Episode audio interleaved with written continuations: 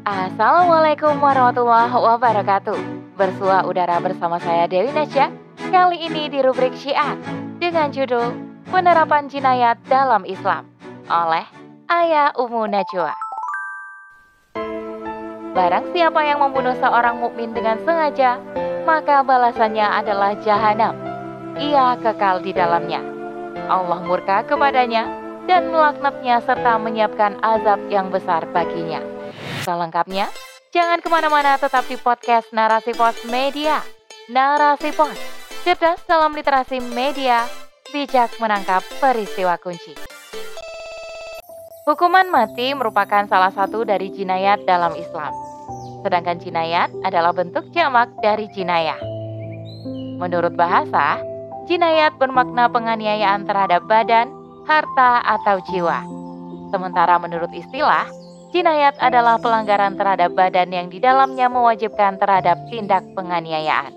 Dengan demikian, tindak penganiayaan itu sendiri dan sanksi yang dijatuhkan atas penganiayaan atas badan disebut dengan jinayat. Pematahan terhadap gigi serta pembunuhan yang mirip dengan sengaja disebut pula dengan jinayat. Masing-masing penganiayaan itu disebut dengan jinayat Begitu pula sanksi-sanksi bagi masing-masing penganiayaan itu juga disebut dengan jinayat. Kita tahu bahwa pembunuhan adalah kejahatan terbesar yang dilakukan oleh manusia. Pembunuhan juga merupakan kejahatan pertama yang dilakukan oleh manusia, yaitu Kobil yang membunuh saudaranya Habil. Maka, salah satu bentuk jinayat yang paling besar adalah sanksi bagi tindak pembunuhan yaitu jinayat.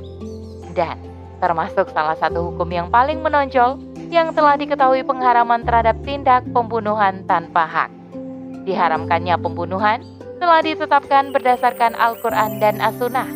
Allah Subhanahu wa Ta'ala berfirman dalam Surah Al-Isra ayat 33, "Dan janganlah kamu membunuh jiwa yang diharamkan Allah membunuhnya, melainkan dengan suatu alasan yang hak. Dan barang siapa dibunuh secara zalim, maka sesungguhnya kami telah memberi kekuasaan kepada ahli warisnya. Juga dalam surah An-Nisa ayat 92 hingga 93, dan tidak pantas bagi seorang mukmin membunuh seorang mukmin lainnya, kecuali karena tersalah atau tidak sengaja. Dan barang siapa yang membunuh seorang mukmin dengan sengaja, maka balasannya adalah jahanam. Ia kekal di dalamnya, dan Allah murka kepadanya dan melaknatnya serta menyiapkan azab yang besar baginya. Ayat-ayat ini adalah dalil pengharaman tindak pembunuhan. Oleh karena itu, ia termasuk hukum-hukum yang bersifat kot'i atau pasti. Adapun hadis dari Ibnu Mas'ud radhiyallahu anhu ia berkata, Rasulullah Shallallahu alaihi wasallam bersabda dalam hadis riwayat Imam Bukhari dan Muslim, tidak halal darah seorang muslim kecuali karena salah satu dari tiga Pertama, orang yang telah menikah yang berzina. Kedua, jiwa dengan jiwa atau membunuh. Ketiga, orang yang meninggalkan agamanya atau murtad lagi memisahkan diri dari jamaah kaum muslim. Juga sebuah hadis dari Ibunda Aisyah radhiyallahu anha bahwa Nabi Shallallahu alaihi wasallam bersabda dalam hadis yang diriwayatkan oleh Imam Abu Daud dan Imam An-Nasai. Tidak halal membunuh seorang muslim kecuali karena salah satu dari tiga hal ini yaitu muson atau orang yang telah menikah yang berzina, maka ia dirajam. Seorang yang membunuh seorang muslim dengan sengaja, dan seorang yang keluar dari Islam atau murtad, maka ia diperangi Allah dan Rasul-Nya. Sebagaimana diharamkannya pembunuhan, maka tidak halal darah seorang muslim dan tidak halal membunuh seorang muslim. Pembunuhan adalah haram. Maka Islam memberikan sanksi kepada pelaku jinayat.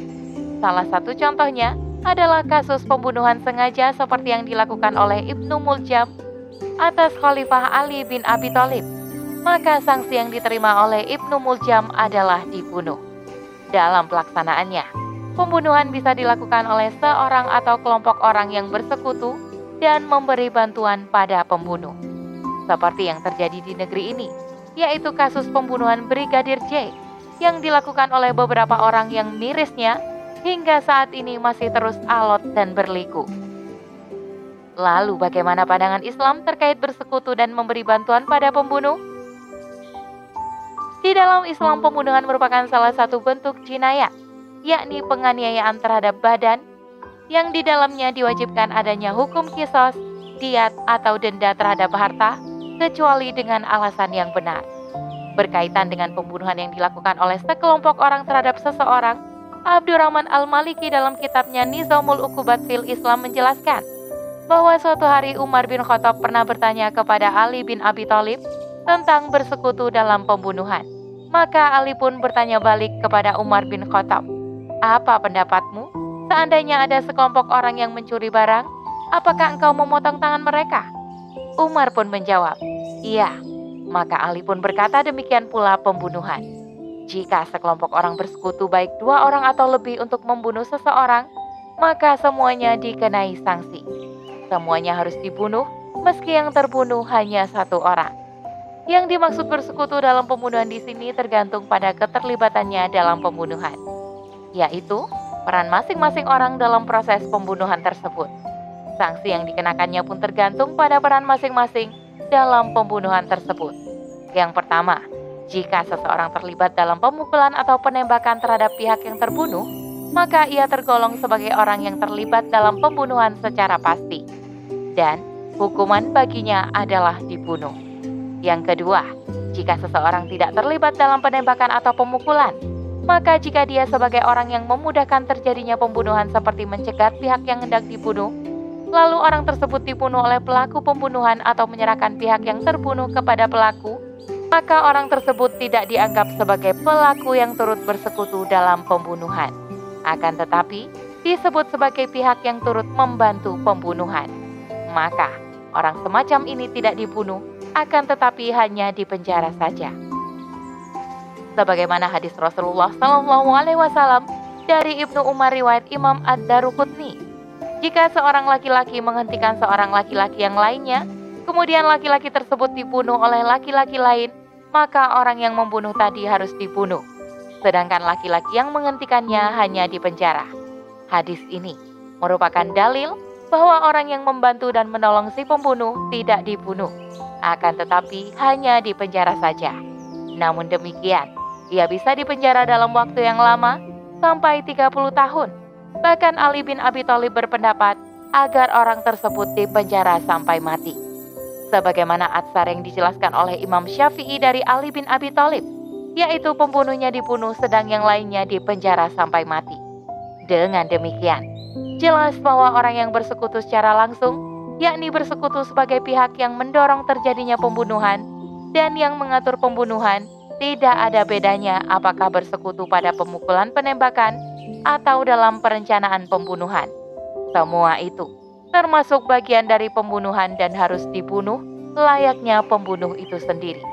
Sedangkan pihak yang mempermudah pembunuhan tidak dianggap sebagai pihak yang bersekutu dan baginya hanya diberi hukuman penjara. Sanksi hukum dalam Islam berfungsi sebagai zawajir dan jawabir. Zawajir atau pencegah berarti dapat mencegah manusia dari tindak kejahatan. Jika ia mengetahui membunuh maka akan dibunuh, maka ia tidak akan melakukan perbuatan tersebut juga sebagai jawabir atau penebus dikarenakan ukubat dapat menembus sanksi akhirat. Namun, sanksi akhirat bagi seorang muslim akan gugur oleh sanksi yang dijatuhkan negara. Ketika di dunia, peran dan tanggung jawab dalam pelaksanaan hukum adalah tugas negara atau khalifah dan semua jajarannya.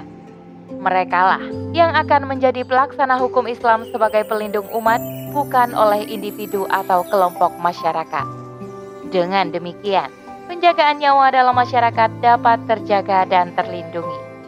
Maka, sungguh miris peristiwa yang terjadi di negeri ini ketika pembunuhan melibatkan para penegak hukum yang semestinya mereka adalah pihak yang mengayomi dan melindungi rakyat, tapi justru menjadi aktor dalam pembunuhan.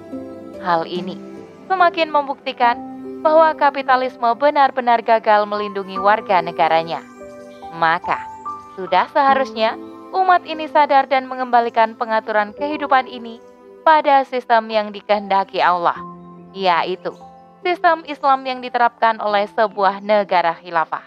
Wallahu a'lam bisawab. Demikian rubrik CR kali ini. Sampai bertemu di rubrik CR selanjutnya. Saya Dewi Nasya kundur diri. Assalamualaikum warahmatullahi wabarakatuh.